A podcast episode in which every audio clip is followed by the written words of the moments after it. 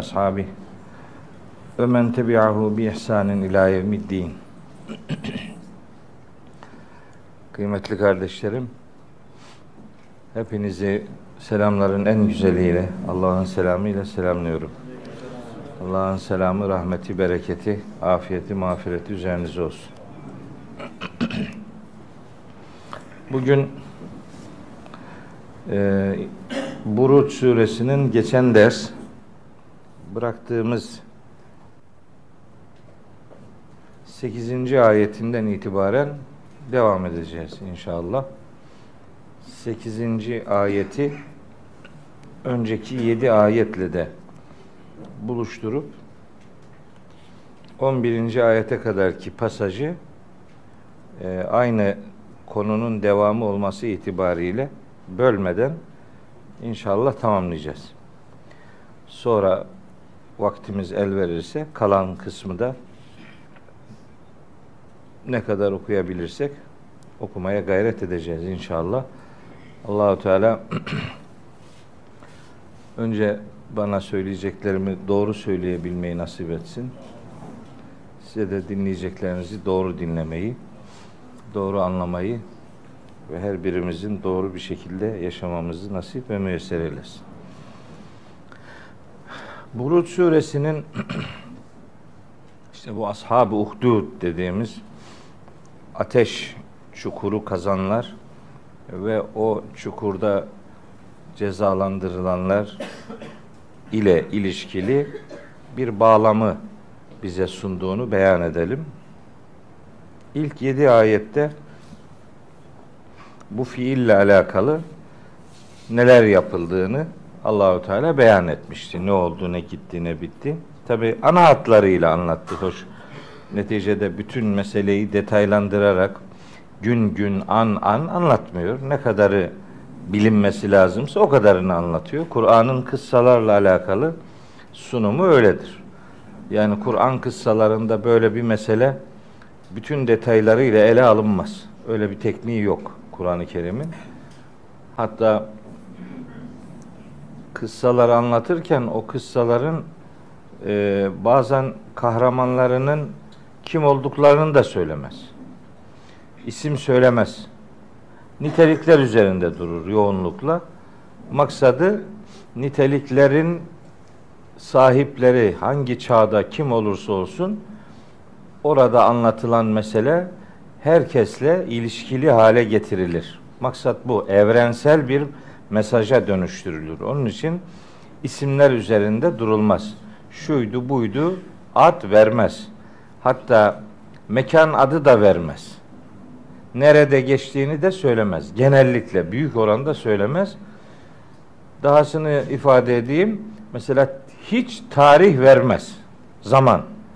Onun için biz mesela Kur'an kıssaları tarihtir e, denemez diyoruz.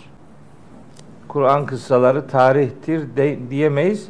Çünkü bir şeyin, bir olayın tarih olabilmesi için zamana, mekana ve şahıslara dair bilgi verilmesi gerekir. Kur'an'da ise bunlar yoktur. Peygamberlerin isimleri vardır. Kıssası anlatılan peygamberlerin isimleri vardır. O da bütün peygamberlerin kıssası da anlatılmaz Kur'an-ı Kerim'de. Kıssası anlatılan peygamberlerin isimleri verilir. Onların yaşadığı şehirler bağlamında şehir malumatı verilmez genellikle. İşte Hz. Musa ile ilgili bir Medyen kelimesini kullanıyor. Hz. Hud'un yaşadığı yer işte o, Ahkaf diyelim Yemen tarafının adını veriyor. İşte o İrem şehrinin adını veriyor. Ondan sonra Eyke işte o yöreyi söylüyor. Bir Mısır kelimesi geçiyor ama o bugünkü anladığımız manada Mısır değil, şehir anlamını verir o kelime. Bir de Medine'nin adını verir. Ee, yani 3-4 tane saydık. Demek ki veriyormuş demeyelim.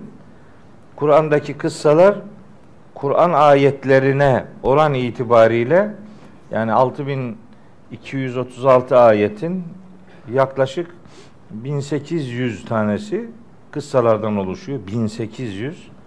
Bu az bir rakam değil. Neredeyse üçte bir.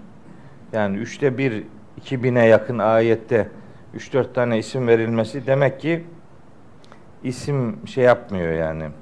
İsimler üzerinde durmuyor. Maksat işte mesajı evrensele taşımaktır. Onun için bu ashab-ı uhdudla alakalı da şöyle tam adamların kim olduğunu söylemiyor. Olayın nerede geçtiğini de söylemiyor. Niye söylemiyor? Geçen ders ifade ettim.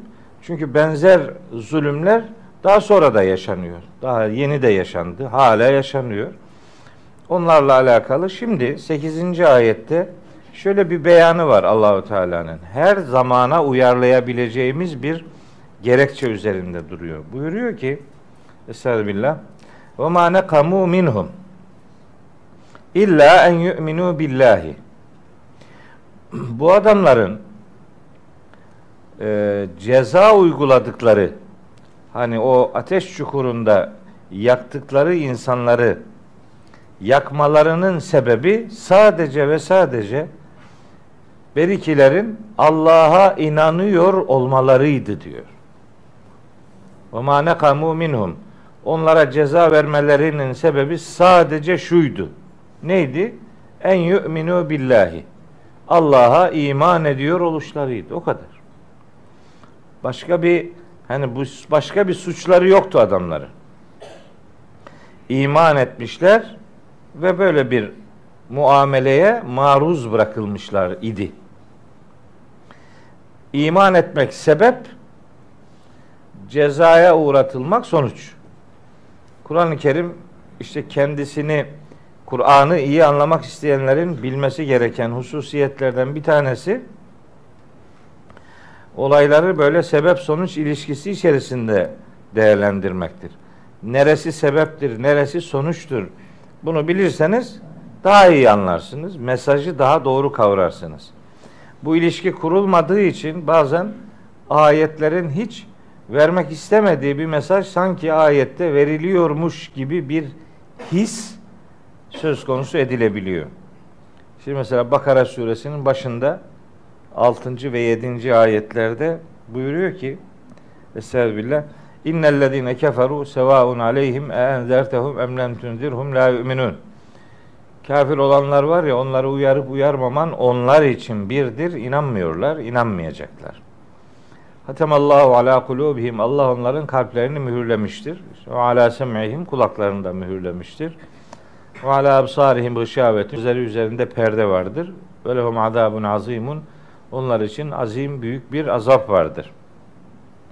Şimdi bunun tercümesini yaparken 7. ayette Hatemallahu ala kulubihim. O ifadenin başında tercümenin başında adam yazıyor. Çünkü çünkü Allah onların kalplerini mühürlemiştir. Ne çünküsü ya? Oraya çünkü koydun mu mahvettin ayeti. Bir defa çünkü yani sanki kalplerin mühürlenmesi sebep inanmamaları sonuç. Öyle değil. Tam tersine. İnnellezine keferu. Kafir olmak bir sebep. İman etmemek ikinci sebep. Kalplerin mühürlenmesi ise sonuç. Sebepler ve sonuç bir arada görülecek ki ayetlerin mesajı doğru anlaşılsın. Yoksa yok yanlış gider. Mesela Saf suresinin 5. ayetinde de var. Öyle diyor. Bir sürü yani Kur'an'ın her tarafına yaygındır bu üslup. Buyuruyor ki Rabbimiz felemma zahu ezâhallahu kulûbehum. Ne zaman ki onlar eğrildiler Allah da onların kalplerini eğriltti. Yani önce kendileri eğriliyor, Allah da onun diyelim ki olmasına izin veriyor veya onların istediğini yaratıyor. Mesela sebep sonuç ilişkisi içinde. Burada da öyle. Burada ha sebep sonuç içinde bir şey daha söyleyeyim. Genellikle sebep önce verilir, sonuç sonra verilir. Büyük oranda öyledir. Önce sebebi söyler, sonra sonucu söyler. Fakat bazen önemine binaen önce sonucu söyler, sonra sebebi söyler. Böylesi de vardır. Şimdi bu bu noktada çok bilinmesi gereken bir ayet söyleyeyim size. Burada öyledir mesela. Önce sonuç, sonra sebep. Yani önce cezalandırmışlar, sonuç, sonra sebebi zikrediyor. Neymiş sebep? Allah'a inanıyor olmaları. Önce sonuç, sonra sebep.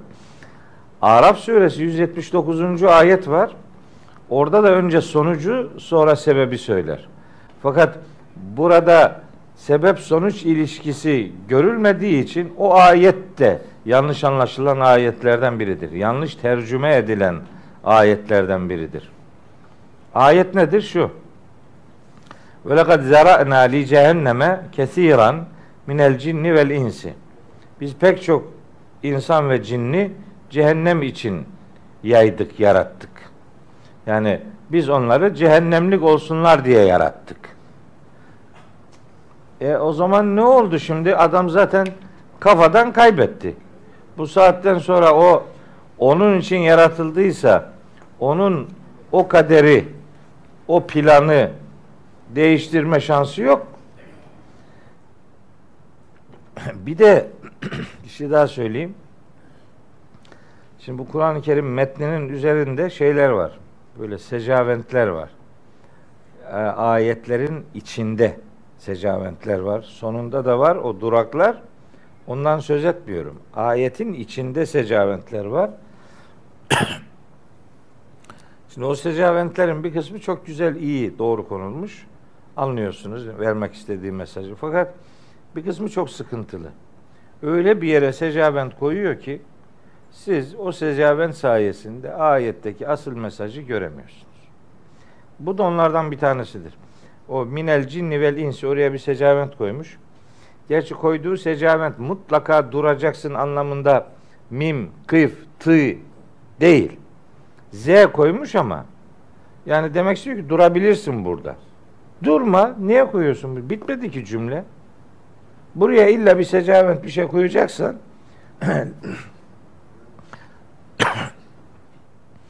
la koyması lazım. la. La'yı koyacak yani durma burada. Bitmedi çünkü. Tersine dönüyor mana anlaşılmamış oluyor. Mesela bir Kur'an mealini adamın eline veriyorsun. Böyle bir ayetten okumaya başlarsa kapat diyor. Ya bırak. Bu, bu, bu baksana ne diyor. Halbuki bunun tercümesi şöyle olacak. Kalpleri bulunup kalpleriyle gerçeği anlamayan, gözleri bulunup gözleriyle hakikati görmeyen, kulakları olup kulaklarıyla hakikati işitmeyen pek çok cin ve insanı cehennemlik yaptık. O zaman ne oldu? Sebep hakikati anlamamak, görmemek, işitmemek. Sonuç cehenneme e, cezaya maruz bırakılmak. Sebep sonuç. Genelde sebep önce sonuç sonra verilir. Eyvallah. Ama bazen önemine binaen önce sonuç verilir. Sonra da sebebe dair malumat verilmiş olur. Böyle Kur'an-ı Kerim'de bir sürü ayeti kerimeler var. Şimdi sanki yani iman ve küfür kadermiş gibi sunuluyor. Ya öyle bir takım kabuller var ya şaşırıyorum ben. Şimdi bunları nasıl böyle kabul ediyorlar yani? Şimdi güya, pey güya peygamberimiz buyurmuş ki sallallahu aleyhi ve sellem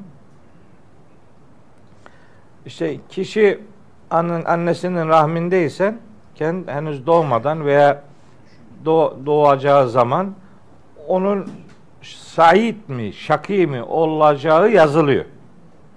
Yani azgın biri mi olacak? Yoksa bu iyi, mutedil, munis, duyarlı biri mi olacak? Bunu yazıyor Allahu Teala. Sonra şimdi diyelim diyelim şaki biri yazıldı, kötü. Eğer kötü biri yazıldıysa bu adam hayatını hep iyiliklerle geçirmiş olsa bile tam ölüm anında Allah ona bir şeytan gönderir. Adam ölmeden hemen önce öyle yazıldığı için yani kaderi öyle belirlendiği için o ölüm anında gider ayak dinini kaybeder ve yazı tahakkuk eder. Veya tersi. Eğer iyi biri olarak yazıldıysa hayatını şeytan gibi yaşamış bile olsa son anda gider ayak bir melek gelir onun istikametli ölmesini sağlar. Ya böyle bir şey olabilir mi ya? Hani o zaman ayetler var. Mesela ne var? Der ki Zümer suresinde in tekfuru fe innallaha ganiyyun ankum. Siz Allah'a karşı nankörlük yapıyorsanız bilin ki Allah size muhtaç değildir. Sizin imanınıza muhtaç değildir. Allah zengindir yani. Sizin ona katacağınız bir şey yok. Ve la yerda li ibadihil küfr. Allah kulları için küfre razı olmaz. Ve la yerda li ibadihi el küfre. Allah kulları için küfre razı olmaz. İnsanlar kafir olmasınlar diye Allahu Teala onlara altı tane imkan sunmuştur. Altı. Nedir bu imkanların? Dört tanesi doğuştan getirilen imkanlar. Bir, akıl. iki irade. Üç, vicdan. Dört, fıtrat. Bunları insana vermiştir. Yani peygamber olmasa bile, bir peygamberle görüşmese bile e, bir kitabı, ilahi kitabı bilgiye muhatap olamasa bile o insanlar da gene sorumludurlar. Hani şöyle diyorlar İsra suresinin 15. ayetinde ve ma kunna muazzibine hatta neb'ate rasula. Biz peygamber gönderinceye kadar kimseye azap etmeyiz. Bu ayeti peygamber gönderilmemişse insanlar sorgulanmayacaklardır da. Böyle yorumlanıyor. Bu doğru değil bu yorum. Ve herkes sorgulanacak. فَلَنَسْأَلَنَّ ursile ileyhim ve lenes'elennel murselin. Bütün peygamberleri de ve kendilerine peygamber gönderilen herkesi, herkesi sorgulayacağız diyor. Herkes ona sunulan nimetlerden sorgulanacaktır. Sümme letüs'elünne yevme idin anin naim. Tekasür suresinde hepiniz Allah'ın verdiği nimetlerden sorgulanacaksınız. Sorgulanmayacak adam yok. Meselenin cezalandırılma boyutu peygamber ve bir kitap ile buluşup buluşmamaya endekslenir. Bir peygamber gelmediyse o peygamberin öğretilerini duymayan bir adam onunla alakalı o öğretilerle alakalı azaba çekilmez. Ama onun sorgulanmayacağı sonucu doğru bir sonuç değildir. Çünkü herkes sorgulanacak. Aklından, fıtratından, vicdanından, iradesinden herkes sorgulanacaktır. Yani Allahu Teala yani bizim fıtratımızı Allah'ı tek ilah kabul edecek şekilde yaratmış. Fıtrat denen şey bu. Din fıtrata eşitlenir Kur'an-ı Kerim'de. Feyakim vecheke lid-dini hanifa fıtratallahi lleti fataran nas aleyha. Yani dinini Allah'ı birleyici olarak e, dinin şey yüzünü Allah'ı birleyici olarak dine çevir. İşte Allah'ın her insanı üzerinde yarattığı fıtrat din demektir.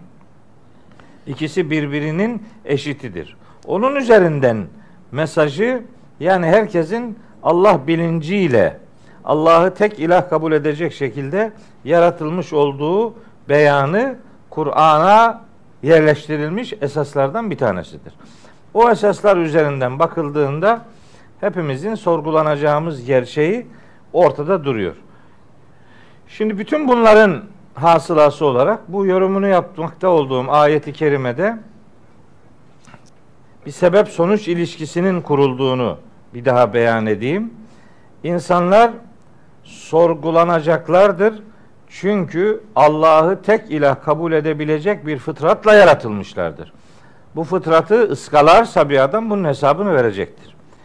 Onun ötesinde bu ashab-ı uhdud denen insanlar bunlar iman etmişler. İmanları onlara ağır bir fatura olarak ödettirilmiş. İşte ateş çukurlarının içerisinde yakılmışlardır diyor Allahu Teala. Adamların bir günahı yok. İşte ne günahı? Günah dedi Allah'a inanıyor olmak. Bunun faturasını ödediler. Bu bu noktada bir sürü ayeti kerime var Kur'an-ı Kerim'de. Onları yazdım ama şimdi onlar üzerinden daha vakit geçirmek istemiyorum. Ee, birkaç tanesine çok kısa da olsa birkaç tanesine bir gönderme yapayım. Sonra da diğer ayetlere e, geçeceğim. En'am suresinde buyuruyor ki Yüce Allah 33-34. ayetler En'am suresi. 33. ayette peygamberimize hitap ediyor. Rabbimiz buyuruyor ki Estağfirullah Kadine alemu biz biliyoruz. Neyi? İnnehu le yahzunu kellezi yekulune. Bu adamların söylemekte oldukları sözlerin seni hüzünlendirmekte olduğunu biz biliyoruz. Peygamberimizle alakalı. İnnehu şunu biliyoruz ki le yahzunuke seni hüzünlendirecek. Ellezî yekulune bu adamların söylemekte oldukları sözlerin seni hüzünlendirmekte olduğunu biz biliyoruz. Fe innehum bu adamlar la yükezzibuneke aslında seni yalanlamıyorlar. Velakinne zalimine bi ayatillahi yechadun. Bu zalimler aslında Allah'ın ayetlerini inkar ediyorlar. Nitekim ve lekad küzzibet rusulun min kablike. Nitekim senden önce de nice peygamberler yalanlanmışlardı. Senden önce de peygamberler yalanlanmışlardı. Fasabaru ala ma küzzibu. Yalanlanmalarına karşılık onlar sabrettiler. Sabara, sabır yani böyle her zillet ve meskenete boyun bükmek demek değildir. Her sıkıntının karşısında dik ve onurlu durmayı başarmaktır. Sabır budur. Fesaberu ala ma küzzibu. Yalanlanmalarına karşılık kendi inançlarında direttiler, ısrar ettiler, sabır ve dayanıklılık gösterdiler. Bunun üzerine ve uzu pek çok eziyete maruz bırakıldılar. Peygamberler ve onlarla beraber iman etmiş olanlar uzu eziyetlere maruz bırakıldılar. Hatta nihayetinde etahum nasruna bizim yardımımız onlara gelip ulaştı diyor. Demek ki bu peygamberler tarihinin bir özeti. Böyle iman edenlerin ödediği faturalar oluyor. O faturalara dikkat çekiyor. Yusuf suresi 110. ayette var. Benzer bir mesaj. Bakara suresi 214. ayet var. Mesela bunu bilirsiniz. Duymuşsunuzdur.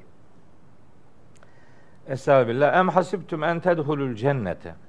Yoksa siz cennete gideceğinizi falan mı zannediyorsunuz? Velemma ye'tiküm meselüllezine halev min kablikum. Sizden öncekilerin başına gelenlerin benzerleri.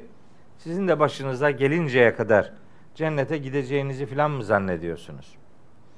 Mesela ben bu ayeti okuduğum zaman hep böyle yüreğim burkulur. Bakıyorum yani bu peygamberler kıssalarına bakıyorum. Peygamber kıssalarında öyle şeyler anlatılıyor ki yani bunların hiçbiri bizim başımıza gelmedi. Hiç. Ashab-ı Uhdud'un başına gelen gelmedi bizim başımıza.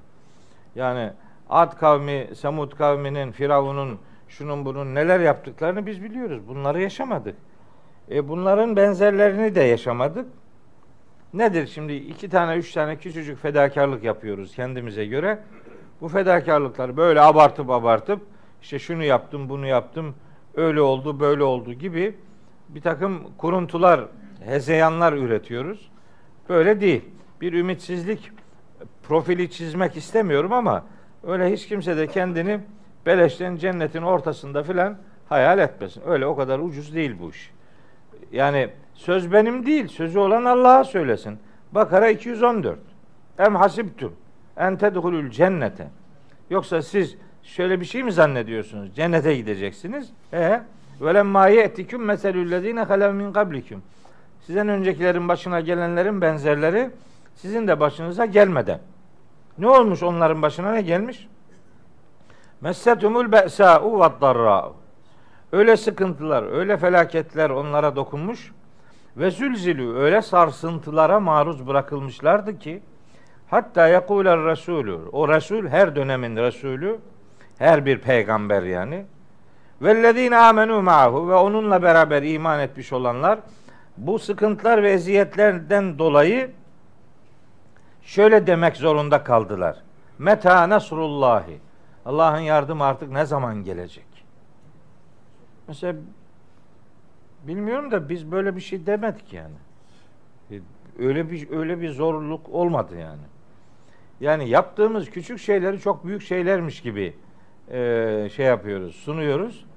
Yani hatta mesela şöyle de diyoruz. Allah beni cennete götürmeyecek de kimi götürecek? Bak bak o yani. Allah bulamıyor yani. Biz sen olmadın mı zaten cennet boş kalıyor filan. Böyle bu kadar kafir cehennemi doldurur orada bize yer olmaz gibi. Böyle acayip acayip şeyler söyleyebiliyoruz. Duyuyoruz bunları mesela. Ya herkes sen cehenneme gitmeye gör, öyle hak etmeye gör. Sana orada yer bulunur merak etme. Tabi cennet daha büyüktür de. Yani öyle cehennem de öyle bir gece kondu gibi 5-10 kişiyle sınırlı bir yer değil yani. Orası da baya baya baya bir yer. İnşallah gitmeyiz. Yani duamız, niyazımız odur. Evet not aldığım ayetleri tabi hepsini söylemiyorum, geçiyorum.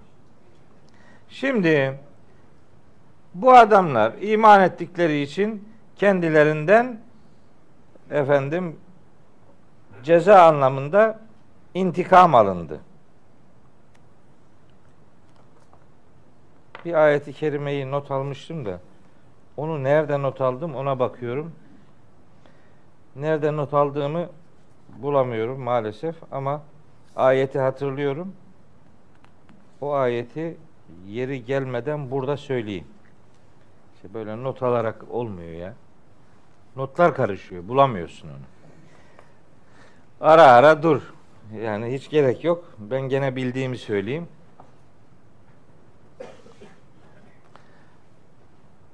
Hazreti Musa'nın kıssası anlatılır Kur'an-ı Kerim'de. Çok yoğun.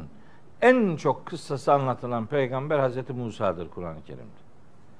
Yani öyle devasa sunumlar vardır Hazreti Musa ile alakalı. Şimdi onun kıssasının içinde bir büyücüler bahsi var. Büyücüler. Bu büyücüler büyücüleri niye anlatıyor ki Allahu Teala? Bize ne büyüden? Değil mi? Yani bizi doğrudan ilgilendiren bir boyutu yok gibi geliyor. Ama anlatıyor işte. Nerede anlatıyor? Bu büyücüler Araf suresinde anlatıyor. İşte Taha suresinde anlatıyor. Ne bileyim şu Ara suresinde anlatıyor.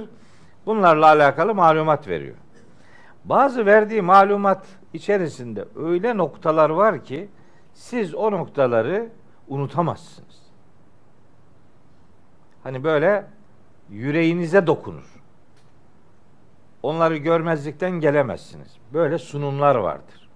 Mesela bu ashabı kehfi anlatır Kehif suresinde.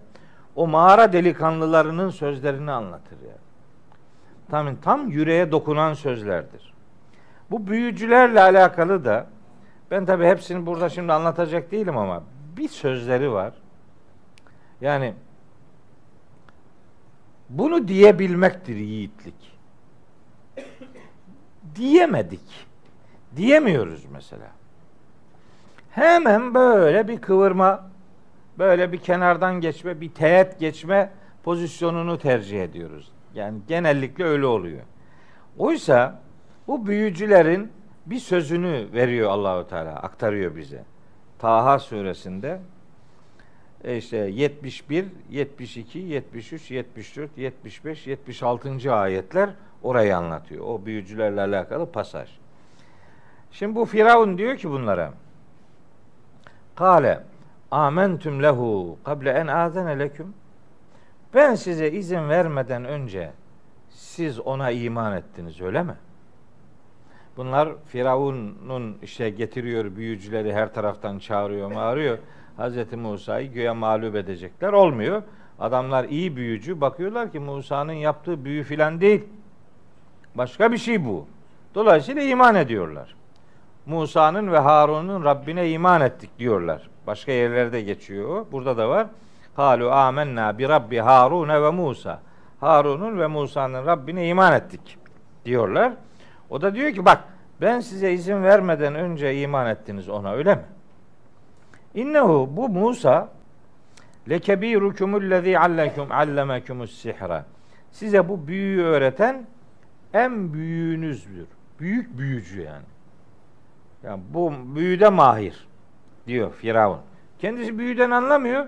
Kimin daha büyük büyücü olduğunun değerlendirmesini de yapıyor beyim. Diyor ki ona onlara fele anne eydiyeküm ve erculeküm min hilafin. Ha, ben diyor muhakkak le anne le nun. Bu iki tanesi fiillerin ve emirlerin başında sonunda olduğu zaman manayı pekiştirir. Kesin olarak keseceğim diyor. anne katta'a kesmek demek. Keseceğim eydiyeküm ellerinizi ve ercüleküm ve ayaklarınızı. Min hilafin. Min hilafin böyle çaprazlama deniyor. Bu o demek değil aslında. Ne çaprazlaması? Yani ellerinizi ayaklarınızı keseceğim. Min hilafin. Hilafınızdan dolayı. Yani dönekliğinizden dolayı. Döndünüz, benim adamımdınız. Döndünüz Musa'nın tarafına geçtiniz. Bu dönekliğinizden dolayı sizin ellerinizi ve bacaklarınızı keseceğim. Ve yetmedi. Le usallibenneküm fi cuzu'in nahli. Sizi bu hurmanın dalına asacağım diyor. Ve le ta'lemunne göreceksiniz diyor. Kesin göreceksiniz. Eyyuna eşeddu azaben ve abqa. Yani Musa'nın Rabbi mi yoksa benim azabım mı daha şiddetli, daha kalıcıdır göreceksiniz. Diyor. Kim? Firavun. Kime? Büyücülere. Bir hayal edin ya. Zalim bir yöneticinin karşısındasınız ve size bunu söylüyor. Ne yapar? Bizde bak ben size söyleyeyim. Bizde birinci müracaat edilecek kurum takiyedir. Takiye daha çok Şiilikle alakalı bir kavramdır. Onlar bir şeyi gizleyince bunlara takiye deniyor. Bizim ehli sünnet de takiyenin amcasının oğlunu yapıyor. Bizimki de tedbir diyor. O takiye bu te aynı şey yani. O yanki yapınca kötü, bizimki yapınca iyi sanıyor. Hiç alakası yok. İkisi de aynı ya. Ve ikisi de kötü. Böyle bir şey kullanılmaz. Kullanmamak lazım. İdealini söylüyor Allahu Teala. Onun için anlatıyor. Ne demiş büyücüler? Ne dediler beğenirsiniz bakın. Galu demişler ki büyücüler. Len nü'thirake. Seni tercih etmeyeceğiz asla. Len edatı Arapçada bir şeyin gelecekte hiçbir şekilde olmayacağını gösteren bir imkansızı ifade eder. Len edatı. Len nü'thirake. Seni tercih etmeyeceğiz. Ala ma ca'ana minel beyinatin bize gelen apaçık hakikatlere karşılık. He, Osman yazı gönderiyor diyor ki hem de bunlar diyor daha yeni iman etmişlerdi. Evet. Daha yeni. Ama işte bu yeni dönen tam dönüyor işte yani. Böyle taksit taksit dönen taksit taksit tökezleyip duruyor. Habire o yana bu yana yalpalayıp duruyor. Yeni iman etmiş adamlar. Yani hakikati görmüş yiğitler. Len nü'sireke. Hiç seni tercih etmeyeceğiz. Ala ma ca'ena minel beyinati. Bize gelen hakikatin apaçık belgelerinin karşılığında kusura bakma. Senden yana olmayacağız. Vellezî fatarana ve bizi yoktan var eden o kuvvete karşılık seni tercih etmeyeceğiz. Şimdi Firavun'u çıldırtan sözü söylüyorlar. Şimdi bakın ne diyorlar. Fakdi ma ente kadın. Ne biliyorsan yap. İşte bu ölümü öldüren adamın sözüdür. Fakdi hüküm ver. Ma ente kadın. Ne hüküm veriyorsan ver. Oradaki ma mutlak umum ifade eder. Nekrelik ifade eder. Ne aklına geliyorsa, ne yapabileceksen yap. Niye biliyor musunuz? İnnemâ takdî hâdihil hayâted dünya. Senin yapıp durduğun şey bu hayattan ibarettir kardeşim. Sen neticede en çok bu hayatı bitirebilirsin. Başka başka bir şey yok. Seninki bir atımlık mermin var demek istiyor. Bu bir şey değil. İnna biz ise amenna hani ballar balını buldum kovanım yağma olsun demiş ya. İnna biz amenna iman ettik bir Rabbina Rabbimize. Biz yeri bulduk. Seninki ne biliyorsan yap bildiğini arkana ardına koyma. Bu hayattır senin bir şeyler yapabileceğin asıl hayat orada bizi bekliyor. Biz Rabbimize iman ettik. Liyagfir lena hatayana. Daha önce işlediğimiz hatalarımız var. Onları bağışlasın diye ona güveniyoruz. Ve ma ekrehtena aleyhi mines sihri. bizi zorladığın bu büyüden dolayı elbette hatalarımız oldu. Rabbimizin o hataları bağışlamasını diliyoruz. Bu yiğit adam. Bunlar yiğitler. Şimdi öyle al Kur'an-ı Kerim'i otur aşağıya ya anlamadan oku ya da anlamayla alakalı böyle standart sureler var onları oku. Mesela bu büyücülerin sözleri hiç sana gelmesin. Niye burada yer alıyor bu? İdeal mümin böyle olan adamdır demek istiyor. Ne oldu? Ucunda sonra bu adamlara ne uyguladığını Kur'an bildirmiyor yani. Bilmiyoruz ne oldu bunların sonu ama ne olursa olsun bunlar için ben öyle diyorum. Ölümü öldüren adamlar. Ölümü öldüren bir şeyden korkar mı yani? Korkmaz. Korkmuyor işte. Ha, faturası ölüm de olabilir. Mesela bakın bu Yasin suresinde bir Habibi Neccar Habibi Neccar adı geçmez orada da. İşte o rivayetlerden öyle geliyor. Önemli değil. Adı önemli değil. O adamın sözleri var. Adamın sözleri var. Bu adamın sözlerine bakacaksınız. Bu adamın sözleri öyle. Yani yani tarihi sallayan sözleri var. Öyle bakmayın siz Yasin'i okuyoruz ölülere de öyle gidiyor. Oh ne güzel filan. Vadrib lehum metelen ashabel karye. Ne olur Allah aşkına ya. Şu 13. ayetten 12. ayetin sonu 13. ayetten 33. ayete kadar. 12'den 33'e. 12, 13, 33 mü? 32. 13, 32. ayetler arasında. Vadrib lehum meselen. Allah darbı meselde bulunuyor. Bir örnek veriyor. Bir okusana bakalım ne olmuş yani. Kim kiminle neler konuşmuş. Bu konuşmaların sonunda neler oluyor, neler gidiyor, ne bir yok. Yani anlamadan böyle acayip bir e, anlamamayla anlaşmış bir pozisyonumuz var yani. Ben şimdi mesela bunları okumayın demiyorum. Anlamadan da olsa oku yani. Allah'ın kitabıyla meşgul oluyorsun. Şimdi ben buna lüzumsuzdur demem yani. Bunu ben ben söylemem. Kitabullah'ın yüzüne bakmak bile ibadettir. Ben öyle inanan bir adam. Ama bunun maksadı anlaşılmaktır. Bunların ne dediğini anlarsan nasıl mümin olunmalıdırın sorusunu cevaplamış olursun yani. Daha kamil, daha oturaklı, daha yerli yerince bir pozisyon elde etmiş olursun. Onu verir.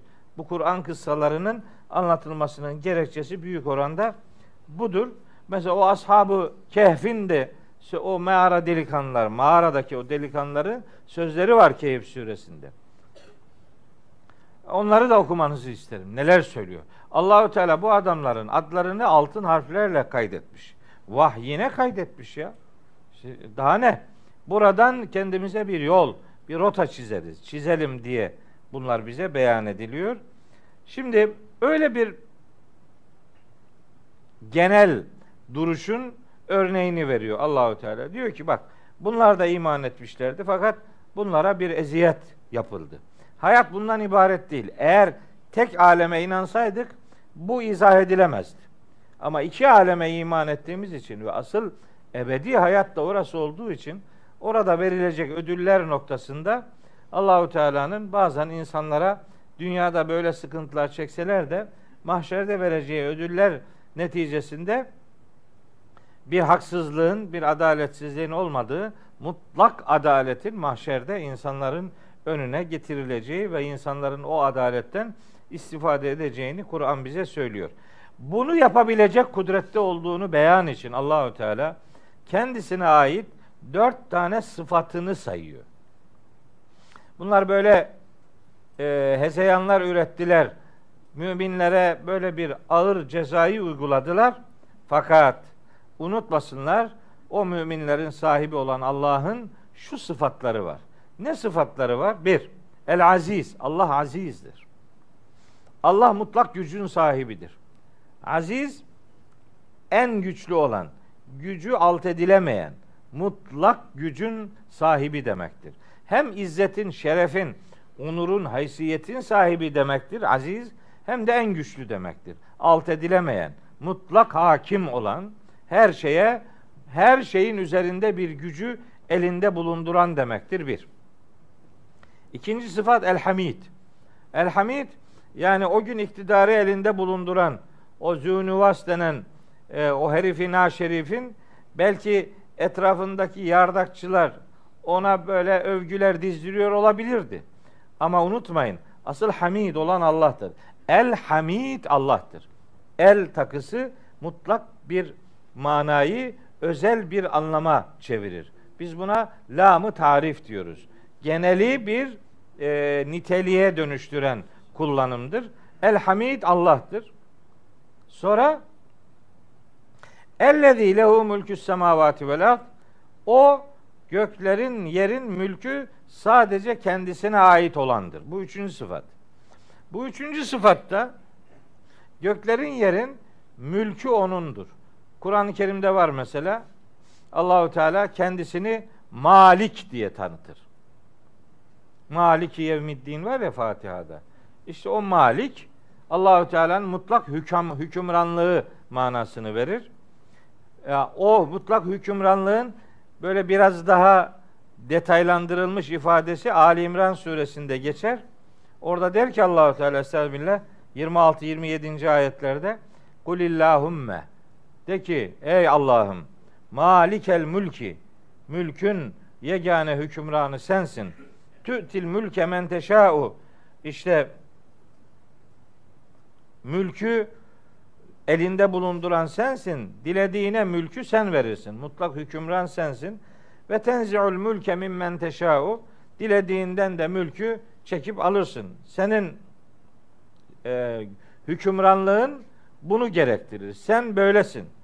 Ve tuizzu men teşâ'u işte dilediğini aziz kılarsın. Ve tüzillü men teşâ'u dilediğini de zelil yaparsın. Yapabilirsin. Bu senin elinde. Biyedikel hayru. Hayır tamamen senin kontrolündedir. Biyedihil mülk ifadesi de var. Tebarekellezi biyedihil mülk. O da aynı anlama geliyor. Mülk sadece senin elindedir. Tebarekellezi biyedihil mülkü. Şanı ne yücedir o kudretin ki mülk, hükümranlık sadece onun elindedir. Lehul mülkü ifadelerinde o lehunun cümlenin başına alınması işte vurgulu bir mana elde ettirir. Sadece ona aittir. Başkasına ait değildir. İnneke ala külli şeyin kadir. Muhakkak ki her şeye gücü yeten sensin. Tulicül leyle fin nehari ve tulicül nehara fil leyli ve tuhricül hayye minel meyyiti ve tuhricül meyyite minel hayyi ve terzuku men teşâ'u bi gayri hesap. Yani kainattaki bu dönüşümün kudreti de senin elindedir. Nihayetinde sen dilediğin insanları hesapsız bir şekilde rızıklandırırsın diye. Malik olan Allah'tır. Malikel mülk. Malikül mülk odur. Bu mülkün yegane sahibi odur. Bazen bu kelime malik olarak geçer Fatiha'da ve bu Ali İmran 26'da olduğu gibi. Bazen böyle geçer. Bazen de böyle geçer. Lehu mülküs semavati vel. Bazen de öyle geçer yani. Nihayetinde bu topluca verdiği mana aşağı yukarı birbirini tamamlar mahiyette böyledir. Su içiyoruz. Hiç öyle başka bir şey aklınıza gelmez. Su. Öksürüyoruz. Öksürmemek için sıcak su içiyoruz. Hoca orada malı götürüyor falan deme. Hiçbir şey yok. Hepsi bu. Su, sıcak su, kaynar su. Günaha girmeyin. Yani alacağınız iki tane sevabı sıfırlamayın yani burada gereksiz yere. Dördüncü sıfat birincisi neydi? Al aziz. İkincisi el hamid. Üçüncüsü el malik diyelim. Dördüncüsü de eşşehid. Şehit kelimesi. Buyuruyor ki Rabbimiz Estağfirullah. Vallahu ala külli şeyin şehid. Vallahu ala külli şeyin şehid. Allah her şeye şehittir. Şehit kelimesi Kur'an-ı Kerim'de şahit anlamında kullanılır. Şahit, her şeyin şahidi olan Allahu Teala burada da o sıfatına gönderme yapıyor. Demek istiyor ki bu adamların neler yaptığını biz biliyoruz. Hatta o şeyde e, hangi ayet? Yedinci ayette demiştik ya ve hum ala ma yef'alune bil mu'minine şuhudun. Onlar müminlere neler yapıp ettiklerine böyle şahit oluyorlar, seyrediyorlar. Hem yakıyor müminleri hem de işte yukarıda bir yerde oturuyor, yaptığı her zeyi, yediği her zeye bir de şahitlik ediyor. Kendince böyle bir manzara e, oluşturuyor. Ona cevaben Rabbimiz buyuruyor ki Vallahu ala kulli şeyin şehidun. Allah her şeyin ama her şeyin şahididir. Kim ne yapıyor, ne yapmıyor? Onlar Allahu Teala'nın kontrolündedir. Allah ne olup bittiğini bir hakkın bilmektedir, görmektedir. Cenab-ı Hakk'ın Kur'an-ı Kerim'de bilme ve görme ile alakalı söylediği sıfatları hani alim, habir, şehit gibi sıfatlarını Kur'an'da Allahü Teala'nın hatırlatmasının sebebi müminlere moral vermek, inkarcılara da gözdağı vermektir. Maksat budur. Yani tamamen şey değil. Ee, yani böyle rast geldi. Şimdi burada bir vallahu ala külli şeyin şehit dedi. Öyle değil. Kur'an-ı Kerim'de tenasubul ayati ve süver diye bir konu var. Teknik bir konu ama çok önemli bir konu. Bunu bilmeden böyle ayetler hakkında filan konuşulmaz. Ayıptır yani. Tenasubul ayati ve süver. Mesela bunu desen onu da bilmez adam ne olduğunu yani. Bu nedir yani?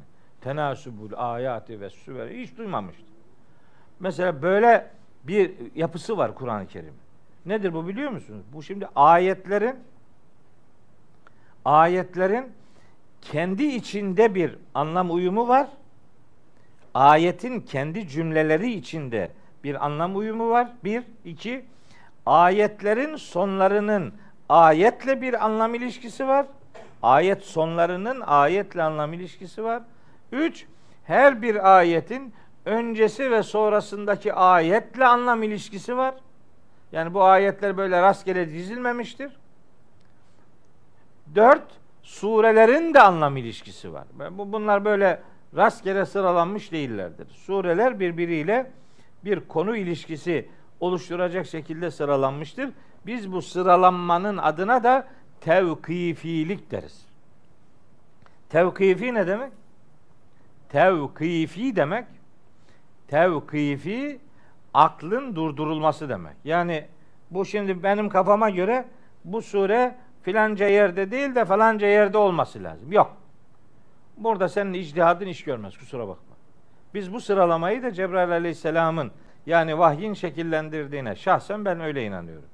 Ayetlerin sıralaması da tevkifidir. Surelerin sıralaması da tevkifidir. Ben öyle inanıyorum.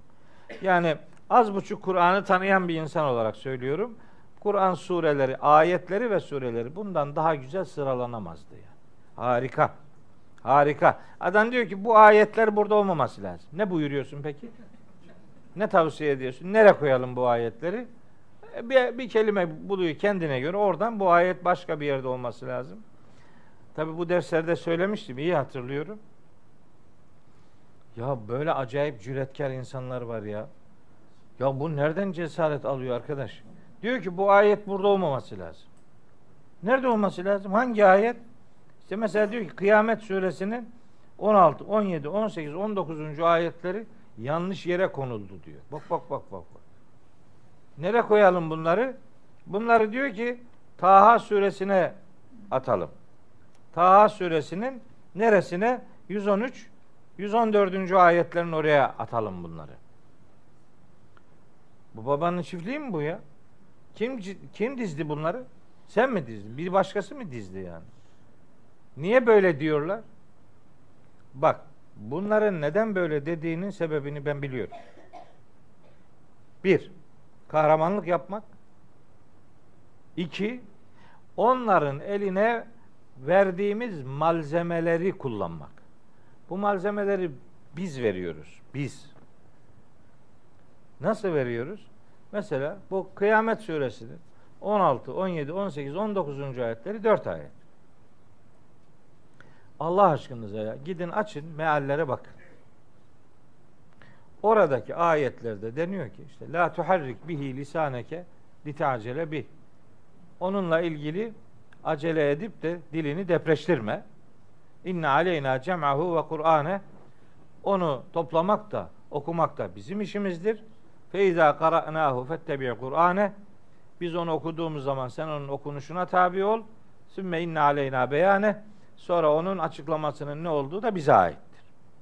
Ne diyor bu? Peygamberimizi Allahu Teala uyarıyormuş. İlgisi yok ya. Yok ilgisi yok gözünü seveyim ya. Orada konu peygamberimiz değil. Allah aşkına ya. Orada konu mahşerde yargılama esnasında ne olup biteceğini az buçuk fark eden nankör bir adamın bir takım mazeretler ileri sürmeye çalıştığı anda Allahu Teala'nın onu azarlayacağı beyanlar bunlar. Azarlama beyanlarını getirip peygamberimize nasıl fatura ediyorsun ya? Öyle olunca diyor ki bak diyor burada Hazreti Peygamberle alakalı bir şey yokken bu ayetler buraya yanlışlıkla konuldu. Bunların yeri Taha suresi 113 114. ayetlerdir. Sen böyle yorumlarsan Kıyamet 16, 17, 18, 19. ayetleri peygamberimizle ve vahiy ile ilişkilendirirsen o da bu konunun dolaylı olarak ele alındığı Taha 113. ayetle meseleyi ilişkilendirir ve bu ayetlerin asıl yeri burası değil orasıdır der. Lokman suresinde de ana babaya iyilikle alakalı iki tane ayet var. Diyor ki onların da yeri orası değildir. Yanlış kondu. Nereye konacaktı? Onlar İsra suresi 24. ayetin oraya konacaktı. Ya uf be. Yani ayetler arasında ya bu kadar da olmaz yani. Bu kadar da bu kadar da bu işe namahramlık olmaz. Yani. Ayıp ya. insan susar yani. Yani susmak da bir yerdendir. Sus. Yani çok ayıp şeyler oluyor. Bu şimdi mesela ayetleri ayetlerin tenasüp dediğim ilişkisi çok önemli. O kadar önemli ki bak o kadar ciddi bir konudur ki bu. Eğer siz ayetin içini ayetin sonuyla buluşturmayı becermiyorsanız bir ayetin sonunda Rabbimizin sıfatlarının ayetin verdiği mesajla anlam ilişkisini kuramazsınız. Ona göre vallahu ala külli şeyin şehit demekle vallahu ala külli şeyin kadir demek arasında bir fark yoktur. Böyle bir sonuç elde edilir ama bu doğru değil. Niye? Allahu Teala her şeye şahit olduğunu beyan ederken 7. ayette onların müminlere eziyetine şahit olmalarıyla alay ediyor. Şahitlik sizin yaptığınız değil, benim şahitliğimdir. Sizinki neticede bir şeye şahit oldunuz ama ben gerçek her şeyin şahidi benim. Orada gördüğünüz o manzaranın da size hesabını ben soracağım demektir. Mesela bak söyleyeyim size. Yapılan bir hatayı daha size dillendireyim. Lokman suresinde Allahü Teala'nın latif ve habir sıfatları var. Lokman suresinde. Hazreti Lokman oğluna nasihatlerde bulunuyor. İşte o nasihatleri anlatıyor, anlatıyor. Burada bir Lokman suresini de mutlaka bir işlemek istiyorum. Bakalım ne zaman olur. Bizim bu girişlerim Lokman suresine sıra filan gelmez ya. Neyse işte. O Lokman suresinde gerçekten çok yanlış anlaşılan yerler var bu Lokman suresinde. Acayip. Hele bir 34. ayeti var var ya tanınmaz hale getirildi yorumları. Metne bir şey yapamadı kimse de yorumlar da, darmaduman yani. Gerçekten çok felaket. 34. ayetinde bir bir de şeyde e, 6. ayetinde bilahvel hadis diye bir ifade var. Onu tepe taklak etmişler. Tanınmıyor yani. Neyse şimdi bu surenin Hazreti Lokman oğluna nasihat ettiği 16. ayetinde diyor ki Allahu Teala ne vesileyle okuyorum bunu? Ne? Tenasüple alakalı. Anlam. Ayet sonlarının ayetle ilişkisini kurma anlamında.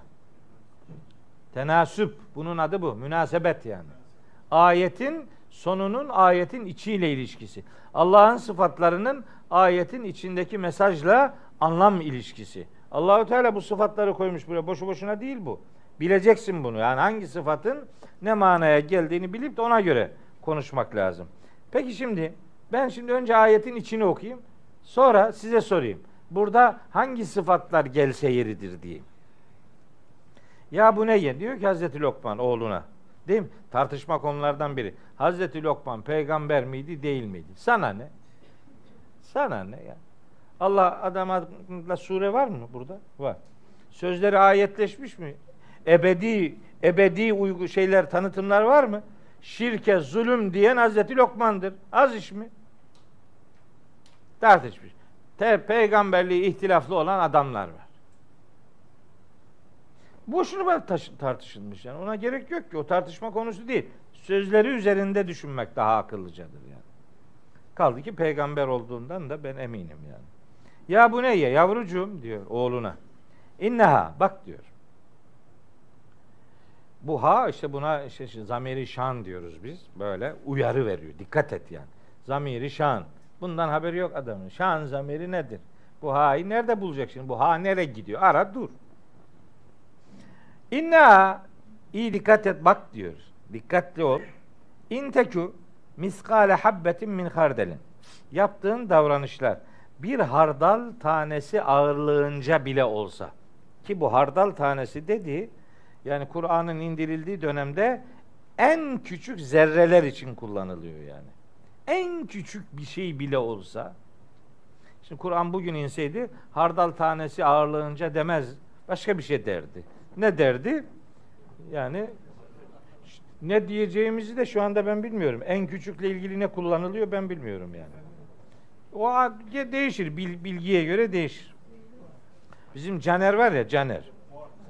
Caner Caner Taslaman tanıyorsunuz. Ya Caner'le bazen oturuyoruz, konuşuyoruz. Bir şeyler anlatıyor lan hiçbirini anlamıyorum ya. Yani o bilimle alakalı işte şeyle alakalı acayip kavramlar söylüyor. Hiçbirini bilmiyorum diyorum Caner'cim bunu sen devam et. Yani. Ben anlamıyorum bundan. Kusura bakma yani bilmediğim bir şeye uzaktan şey ancak tamam doğrudur inşallah doğrudur deyip geçiyorum. Şimdi en küçük zerre kadar bile olsa diyor. Fetekün fi sakratin. İsterse kayaların içinde olsun. Yaptığın davranış. Kayaların derinliklerinde bile olsa. Ev fi semavati. Ve işte göklerde, uzay boşluklarında savrulmuş olsa. Ev fil ardı veya yerin derinliklerinde bir yerlerde bile olsa ye'ti bihallahu. Allah onu getirir. Ha. Sen ne yaparsan yap, yaptığın hiçbir şey böyle yok olmuyor. Allah onu mutlaka yargılama zamanı bulup getiriyor. Şimdi burada hangi sıfat? Mesela vallahu azizun hakim gitmez buraya. Vallahu gafurur rahim gitmez. Vallahu ala külli şeyin şehit gitmez. Gitmez kardeşim. Bu konunun içine uygun bitecek bu. Bitirmiş Allahu Teala. İnna Allah latifun habirun. Bitirmiş ama tercümelere bakın. O o vahyin gözettiği o muhteşem düzen tercümelerin bir kısmında görünmüyor. İnna Allah'a muhakkak ki Allah latifun demesin mi ki lütufkar? Haydi bakalım. Ne alakası var şimdi lütufkarla bu ayet ayetin nasıl bir ilişkisini kurdun? Latifun. Latif evet lütufkar manası var. Doğrudur. Yani kelimenin anlamlarından biri odur da burada kastedilen o değil. Niye? Habirun var orada. O habire bakarak latifin ne anlama geldiğini ya da latifin hangi anlamının burada söz konusu olduğunu ancak o zaman anlarsın.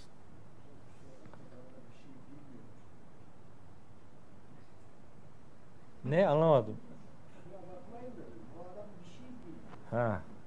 Oh ne kadar var. Münasebet konusu ciddi bir konu. Latif, lütufkar manasına gelmez.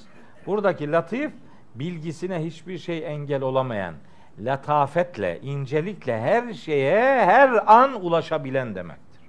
Bilgisinin önüne engel konulamayan demektir.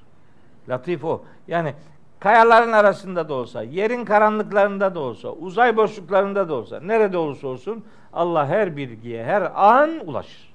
Allah'ın latif sıfatı burada o anlama gelir. Ama mesela e, şimdi bir ayette okuyayım size. Mesela Şura suresinin 19. ayeti Allahu latifun bi ibadihi. Allah kullarına latiftir. O lütufkar demektir işte. Bak buradaki manası o. Orada da o. Kur'an'ın vücuh diye bir yapısı vardır. Çok anlamlılık üzerinden ayetleri yorumlamak durumundayız. Bu böyle gidiyor. Onun için vallahu ala külli şeyin şehit. Burada ayet böyle bitiyor. Bu ayet bundan daha güzel bir şekilde bitemezdi yani. Tam konuyla ilişkilidir. Bir taraftan müminlere moral veriyor. Bir taraftan inkarcılara gözdağı veriyor. Bir taraftan onların kendilerince yaptıkları şeyin arızalı olduğunu, kamil ve mükemmel sıfatların Allah'a ait olduğu mesajını da böylece bu vallahu ala külli şeyin şehit kullanımıyla bir sürü mesajı muhataplara iletmiş oluyor. Kur'an'ın böyle nezih bir yapısı vardır. Bunu bir vesileyle size söylemiş olayım. Sonra gene devam ediyor. 10. ayet. İnnellezine şu kimseler ki fetenül müminine vel müminati mümin erkeklere ve mümin kadınlara fitne uyguladılar. Fetene, fetenu, fitne, fütintüm kelimeleri hep aynı kökten geliyor. mümin erkeklere ve mümin kadınlara fitne uyguladılar. Şimdi bu fitne kelimesi kavram, kavram. Fitne kavramı. Kur'an'da önemli kavramlardan bir tanesidir. Şimdi biliyor musunuz? Bu kavramın anlamlarından bir tanesi olumsuz içeriktedir. Fitne Türkçe'de kullanıyoruz ya ne fitne adam der. Ne fitne fücur. Mesela böyle kullanırız. Doğrudur. O kelimenin öyle bir anlamı var. Nerede var? Mesela vel fitnetu eşeddü minel katli diyor. Fitne adam öldürmekten daha beterdir. Bakara suresi 218. ayette söylüyor. Fitnenin Bakara suresinde bir yerde daha geçiyor. iki yerde geçiyor. Yok yok değildi. Bakara'dan söz ediyor. O Enfal o. Vel fitnetu eşeddü minel katl. Tamam senin hatırını göreceğim. Onu da okuyacağım. O da var. O, o Enfal suresi 25. ayet. O da zihnimde. Onu okuyacağım. Bu vel fitnetu eşeddü minel katl. Fitne şeyden adam öldürmekten daha beterdir. Bakara 191 biri orada geçiyor. Biri de Bakara suresinin 217. ayetinde geçiyor. Şimdi anladım. Anladık ki fitnenin böyle olumsuz bir manası var. Ama her yerde öyle değil. Şimdi o tek anlamı merkeze çekerek geliyor Tegabun suresine surenin 15. ayetine Tegabun suresi 15. ayete ve Enfal suresinin 28. ayetine. Bu iki ayette de geçiyor bu fitne kelimesi. Fakat bu iki ayette geçtiği içerik mesela Bakara'da söylediğim o iki ayetteki içerikle alakası yok. Başka bir bağlamda geçiyor. Nerede geçiyor? Diyor ki Rabbimiz ve alemu ennema emvalukum ve evladukum fitnetun. İyi bilin ki mallarınız, servetiniz ve çocuklarınız fitnedir. Haydi bakalım. İnnemâ emvâlüküm ve evlâdüküm fitnetün. Mallarınız ve çocuklarınız fitnedir. Ne çıkarıyor buradan? Başının belasıdır. Bela işte bu. Düşman. Bilmem ne. Niye niye öyle diyor? Çünkü fitne kelimesinin tek manası olduğunu zannediyor. Bilmiyor ki bunun asıl manası o değil. Bu kelimenin başka bir manası var ya. Bunun kök manası var. Gözünü seveyim ya. Ya bu kadar namahremlik olur mu? Fetene kelimesi bir madeni cevherini cürufundan ayırmak için onu ateşe sunmak demektir. Yani ateşe sunarsınız bir madeni, cevherini cürufundan ayırırsınız. Ateş ne kadar yoğun olursa o ayrışma o kadar net olur. Bu kötü bir şey değil. Bu oradaki fetene kötü bir şey değil. Cevheri cürufundan ayırmak. iyi bir şey bu.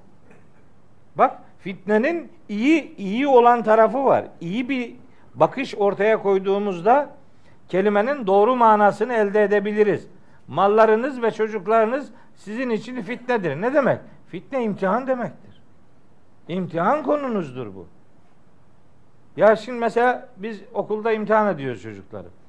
Soruyoruz soruları. Mesela ben bunu yaşadım. Hala daha da yaşıyorum. Bakıyor sorulara. Sorulara bakıyor, sorular da ona bakıyor. Tık, hiçbir şey yok. Boş kağıt veriyor. Geliyor, hiçbir şey yazmıyor. Bırakıp gidiyor. Biraz daha psikolojik sıkıntısı olanlar oluyor bazen. Öyle sinirleniyor ki yırtıyor kağıdı. Yani o biz, biz oradayız, bizim yanımızda. Yani protesto ediyor. Yırtıyor kağıdı. Yani böyle de imtihan mı olurmuş? Halbuki ben mesela öyle bir adam değilimdir. Ben derste benim öğrencilerim bilirler şimdi izleyenler varsa beni e, doğrulayacaklardır. Ben derslerde neyi soracağımı söylerim. Söylerim vallahi dersi işlerken. Bunu soracağım derim. Ha, bunu sor, bunu soracağım. iyi not alın. Bunu söylüyorum. Niye? Benim maksadım bunların bilmesini sağlamak ya. Benim maksadım bilmemesini cezalandırmak değil. Benim derdim üzüm yemektir. Bağcıyı dövmek değil. Eğitim bir adamı cezalandırmaya dayalı yürümez. Onu ödüllendirmeye ve ona bilgi kazandırmaya dayalıdır. Benim maksadım bunun bilinmesini sağlamaktır. Bunu en iyi bildirmenin yolu bunu imtihanda soracağım demektir. Soracağım. Şimdi bir anlatıyorsun biraz biraz. Bakıyorsun ki hafif mayıştılar. Bunu imtihanda soracağım deyince bir diriliyor hepsi. Lan diyor nereye gidiyor falan diye hemen böyle bir gündem oluyor falan not alıyor. Ben mesela imtihanda eğer onu sormadıysam soracağım dememe rağmen sormadıysam mesela öğrencilere diyorum hatırlatın bana. İmtihanda hatırlatıyorlar. Hocam şunu soracağınızı söylemişiz soram sormadım. Artı bir. Onu da yazdırıyorum. O da soru yaz. E, en iyi öğrenme zamanı imtihandır. İnsan orada öğrenir yani. Şimdi mesela düşünün ki bir çocuk imtihana girdi, soru kağıdını yırttı. Veya boş kağıt verdi. Geçebilir mi o derste? Bitti. Çocuğum fitnedir. Ben bununla uğraşamam. Allah belasını versin. Bu imtihan kağıdını yırtmak demektir. Geçemezsin ya. Sen kime ne? Senin sorun bu. Arkadaş, sana Allah bu soruyu sordu. Sen soruyu mu beğenmiyorsun? Allah'ı mı beğenmiyorsun? Hayırdır? Çocuklar ve servet bizim imtihanımızdır. Eyvallah. Fitnemiz demek ağır imtihan. Zor imtihan ama imtihan. Fitne kelimesinin böyle bir tarafı da var. Bunu görmezlikten gelmeyeceğiz. Ha, fitne kelimesinin bir bela, musibet anlamı da var. Musibet anlamı da var bunun. İşte Nasuhi hocamın söylediği Enfal suresi 25. ayet. Budur. Ve tekû fitneten. Bir musibetten dolayı duyarlı olun ki la tusibennellezine zalemu minkum hassaten. İçinizden sadece zalim olanlara isabet etmekle kalmaz. Hepinizi içerir. Bu bir bela, bir musibet anlamı da var. Var, o da var, öbürü de var, şu da var. Neticede e, ne olacak? Biz kapsamlı bakacağız. Yani her tarafını göreceğiz. Bu kelimenin geçtiği yerler nerelerse hepsine bakacağız. Ona göre ortalama bir e, mesaj çıkartacağız. Yani doğru bir şeyi anlayacağız bu meseleden. Yoksa bir anlamına ben hep öteden beri söylüyorum arkadaş Kur'an-ı Kerim'i böyle sözlüğe bakarak anlarım demeyi terk et. Bu olmaz. Açacaksın sözlüğü orada bir manayı göreceksin. Kelimenin geçtiği her yerdeki manasının olduğunu zannedeceksin. Yapma kardeşim bu doğru bir okuma değil. Kur'an'ın böyle Rabça bir anlamı vardır sözümden kastım da o. Anlamıyor onun bir kısmı. Anlaması anlamaz. İnnellezîne fetenül müminine vel müminati. Mümin erkeklere ve mümin kadınlara fitne uygulayanlar. Yani onları cezalandıranlar. Onlara bir musibet getiren bu adamlar Şimdi bağlam gereği Buruç suresini okuyoruz ya. Buradaki fitne de o anlamda bir imtihan manası aramayacağız. Niye? Çünkü iman ettikleri için öldürülen insanlar var. Onlara kendilerince ceza uyguladı bunlar. Buradaki fetene ceza uygulamak manasına geliyor. Bir musibete düçar kılmak. Mümin erkekleri ve mümin kadınları. Kadın erkek hiç demeden hepsini demek ki cezalandırmış bu adamlar. Sümme lem yetubu. Bunu yapan bu adamlar eğer işin sonunda bir de hiç tevbeye yanaşmamışlarsa insan hata yapmış olabilir. Samimiyetle tevbe ederse eğer Allahu Teala tevbelere nasıl mukabele edeceğini kendisi bilir. Biz haşa Allahu Teala'nın nasıl davranacağına dair bir yol gösterici pozisyonumuz yok. Bir Rabbimize iman ettik, güvendik. O diyor ki böyle böyle fitne fücur iş yapanlar Sonunda eğer bir de tevbe etmemişlerse sümmelem yetubu eğer tevbe ne demek? Tevbe ne? Bakın işte bizim mesela tevbe ve istiğfar kavramları noktasında da Kur'an'dan beslenen bir e, algıya ihtiyacımız var. Yani Kur'an-ı Kerim'in tevbe dediği şeyle bizim tevbe dediğimiz şey aynı değil. Maalesef ya, maalesef yani bu kadar Kur'an'dan kopuk bir gidişat e, yaşıyoruz yani. Bu kadar Kur'ansız gidiyoruz yani. En temel kavramlarımız bile Kur'an'ın içini doldurduğu şekilde hayatımızda değil maalesef. Tevbe tevbe sonuçtur. İstiğfar sebep, tevbe sonuçtur. İstiğfar gafara kökünden gelir. Bağışlanma dileğinde bulunmak demektir. Gafara. Bağışlanma dileğinde bulunmak, gafara bağışlamak, istiğfara bağışlanma dileğinde bulunmak. Şimdi bu Arapçada 35 tane bab var. İstifal babı şimdi bu. Bilmiyor adam istifal babının özelliğini. Ben ne yapacağım buna ya? 35 tane bab var. 35 tane bunlar. Bunların her birinin başka bir kalıba geçtiğinde aldığı ekstra manalar var. Gafere bağışlamak, istiğfara bağışlanma dileğinde bulunmak. O istiğfarenin sininde bir talep manası vardır. Mesela tefaül babı diye bir bab var. Tefaül babı genellikle iki taraf arasındaki ortaklık manasını verir. Bir manası daha var. Tefaül babının en önemli manalarından biri olmayan bir şeyi olmuş gibi göstermek. Yani yalan konuşmak. Mesela bir adam meriltu dedi mi hastaladım demektir. Temaraztu derse hasta değilken hasta göründüm numara yaptım demektir. Tefa, tefaül babının böyle bir özelliği var. Yani bu bablar önemli şeyler. Bunların hiçbirinden haberi yok vatandaş. İşte öyle sözlükten gidiyor yani. Bul, olmaz. Olmaz yani. Kayaya çarparsın mahcup olursun. Lüzum yok. Ha tevbe de işte o gafere istiğfarın sonucudur. İstiğfar bir kabahatten dolayı özür beyanında bulunmak, bağışlanma dileğinde bulunmak demektir. Tevbe de o bağışlanma dileğinde bulunulan konuyla alakalı tersine bir yöneliş ortaya koymak demektir. Yani tevbe geçmişe dair bir kavram değildir. Tevbe ana ve geleceğe dair bir kararlılıktır. O günah dediğim davranışlardan vazgeçtim ifadesi istiğfardır. Tevbe de bu istiğfarda düzgün, samimi olduğunu gösteren bir yönelişin adıdır. Tubu ilallah. Allah'a tevbe edilir. Allah'a yönelinir. Biz bak biz adamlardan tevbe alıyoruz bak.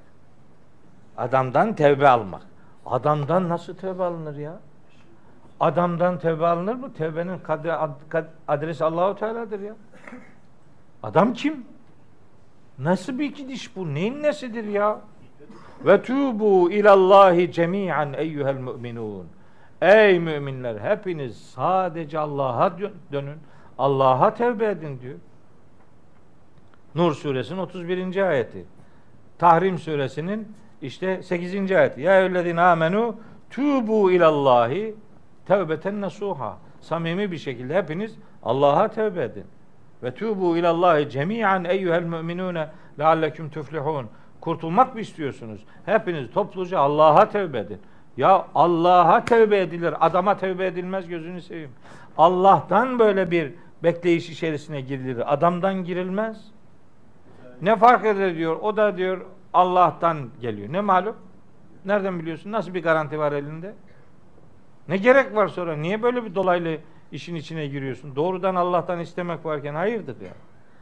Ha, bahaneler hazır ben size söyleyeyim. Ha, o diyor ki Yo, herhangi bir mekanın üzerinden şey yapmayın yani. Herhangi bir mekan ve herhangi biri, herhangi bir yere gitmekten filan onlardan söz etmiyorum ben. Orayla ilgilenmiyorum. Hangisi olursa olsun dert değil. Adamdan değil, Allah'tandır bu beklentinin adresi o. Öyle diyor Kur'an-ı Kerim. Adama yönel demiyor, Allah'a yönel diyor. Sümmelem bu. Bu adamlar da tevbe etmediler. Yani yaptıklarının yanlış olduğunu fark edip hakikate yönelmediler. Böyle olunca felehum azabu cehenneme. Bunlar için bir cehennem azabı söz konusudur. Ve lehum azabul hariki ve bunlar için yakıcı bir azap söz konusudur. İki tane azaptan söz ediyor burada. Azabu cehennem, azabul harik. İki tane azap. Aslında Kur'an-ı Kerim'de şöyle ifadeler var. Mesela Şura suresi 40. ayette Ve ceza'u seyyiyetin seyyiyetün misluha. Bir kötülüğün karşılığı dengi bir kötülüktür der. Yani bir kötülükten dolayı birine iki tane ceza verilmez. Bir cezadır. Bu kural. Şimdi bu genel kural. Bu Kur'ani kural. Hani şeyde Hac suresinde de var, Nahil suresinde de var. Hani ve in aqabtum faaqibu bi misli ma uqibtum bi. Yani size nasıl bir şey uygulandıysa siz de onu uygulayın. Yani fazlasına gitmeyin. Size biri savaş açtıysa kendinizi savunun. Siz saldırmayın der. Yani haklıyken haksız duruma gelmemeyi öğütler. Veleme felyevme la tuzlemu nefsun şey'en ve la tuczevne illa ma kuntum ta'melun. Yaptıklarının karşılığı verilir insanlara. Yani öyle fazladan verilmez. Peki burada ne var? Burada diyor ki bir, bir cehennem azabı bir de harik azabı, yakıcı azap. Harik o demek, yakıcı demek, kavurucu. Yakıcı azap. Nasıl anlaşılmış bu?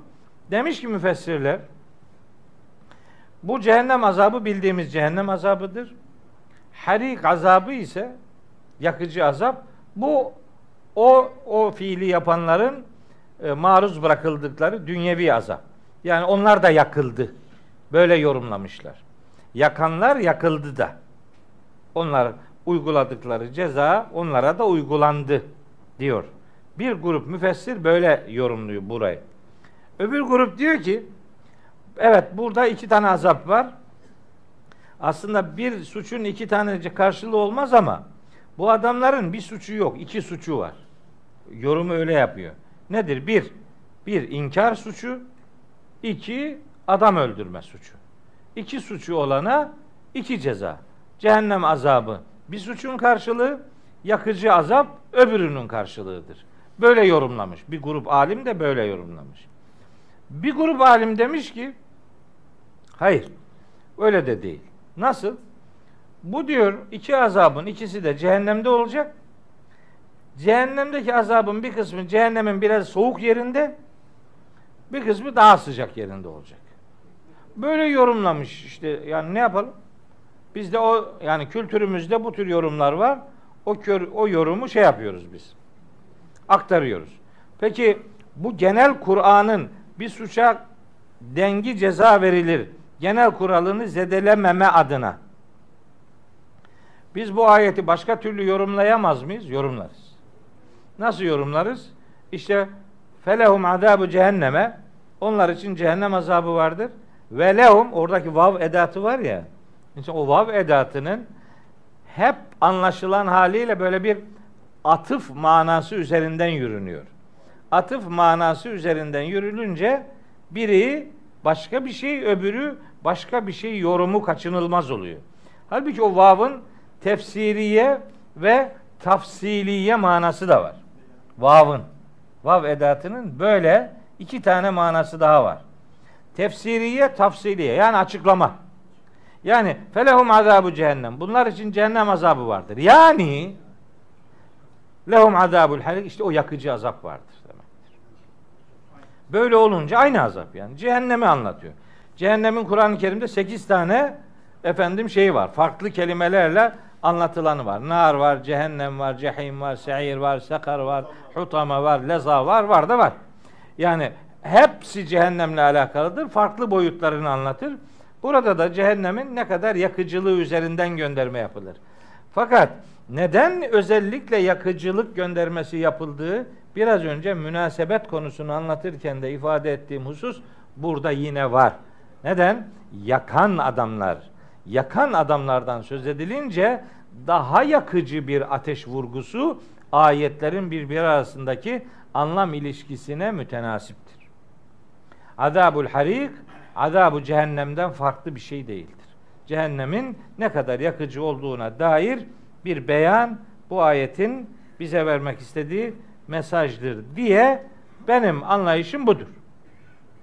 Ha öbürlerini de dürüst davranarak onları da söyledim. Onlar da öyle diyorlar.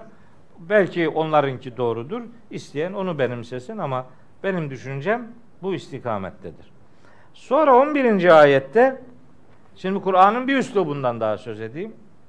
Ve öylece de bitireceğim. Bir üslubu daha var Kur'an-ı Kerim'in. Mesanilik diye bir üslubu var. Burada tabi defalarca söyledik bunu. Buraya gelenler onu bilirler artık. Mesanilik Kur'an'ın bir meseleyi zıddıyla anlatmak, karşıtıyla anlatmak. Ee, o üslup gereği şimdi önce önemine binaen muhatapların hani yediği herzenin ne kadar büyük olduğunu ortaya koymak için önce azap ve şiddetinden söz etti Allahu Teala. Mesanilik gereği bu defa sözü azabın zıddına ödüle, cehennemliklerin zıddına cennetliklere getiriyor.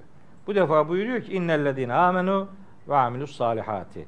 İman eden ve imanına uygun güzel davranışlar ortaya koyanlara gelince salih amel, iman salih amel ilişkisini de burada defalarca anlattım. İman salih amel birbirisiz olmayan iki kavramdır. İman salih amel beraber anılan iki kavramdır.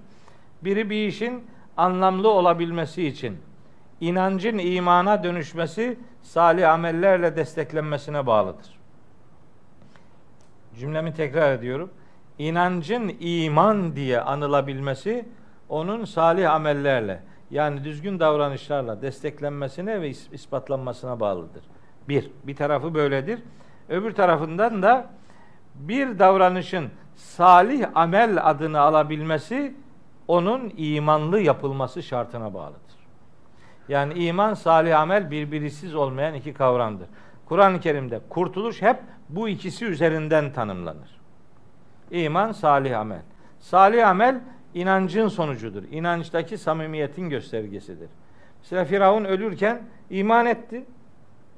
Ama olmadı. Niye? Çünkü o salih ameli yoktu. Yani o bir slogandı, iddiaydı. İspatı yoktu. İspatı olmayan şey slogandan, iddiadan ibarettir. O var kabul edilmez. Hani böyle boğulurken iki kişiden söz eder Kur'an-ı Kerim. Bir Firavun, bir de Hazreti Yunus. Hazreti Yunus da var. Hazreti Yunus boğulmaktan kurtarıldı, öbürü ise boğuldu. Onun imanı kabul edilmedi. Hazreti Yunus'un kurtarılmasının gerekçesi Saffat suresinde verilir. Orada der ki Allahu Teala Felevla ennehu kâne minel musebbihin lelebise fî batnihi ilâ yevmi yub'asûn.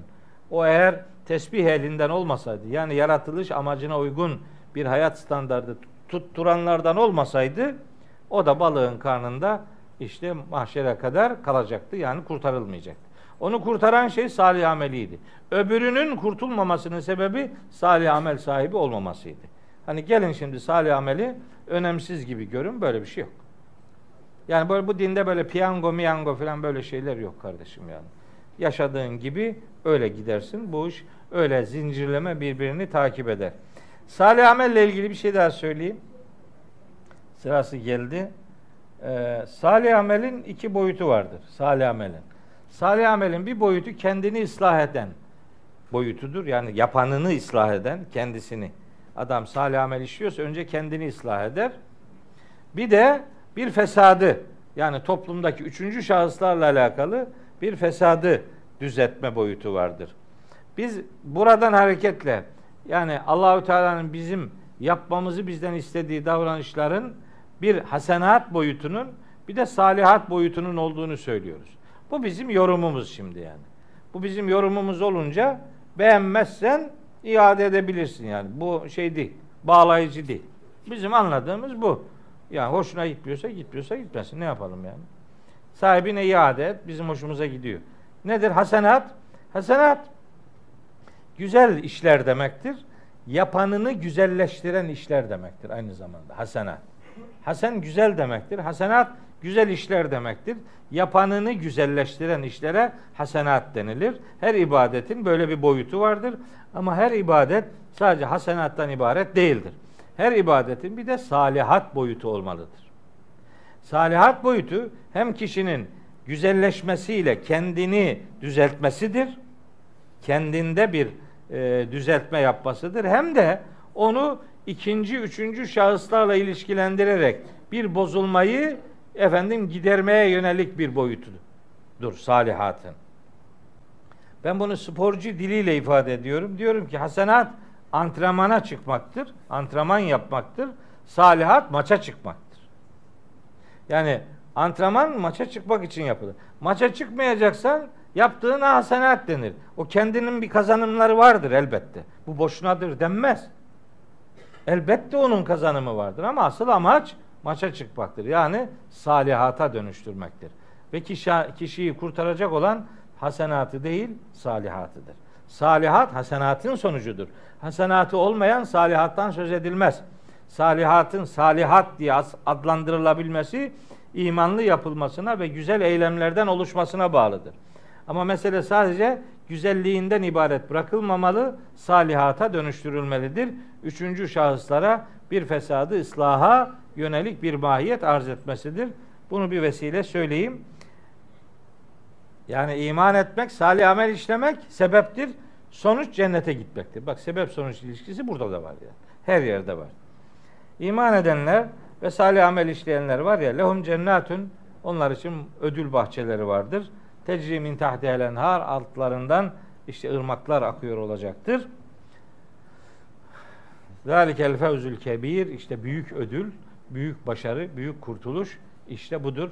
Nihayet insanların bu büyük başarıyı, büyük kurtuluşu elde edebilmelerinin imana ve salih amel sahibi olmalarına bağlı olduğunu bu vesileyle Allahu Teala surenin 11. ayeti itibariyle bizlere beyan etmiş oldu. Biz de bu beyanı sizlere hatırlatmış olduk. Yani Buruç suresinin 8 ila 11. ayetlerini 4 ayeti işledik. Ancak bu kadar hepsini bitirecektik olmadı. Bir dahaki dersi inşallah 12 ila 22. ayetleri aktarmaya gayret edeceğim. Hepinizi Allah'a emanet ediyorum.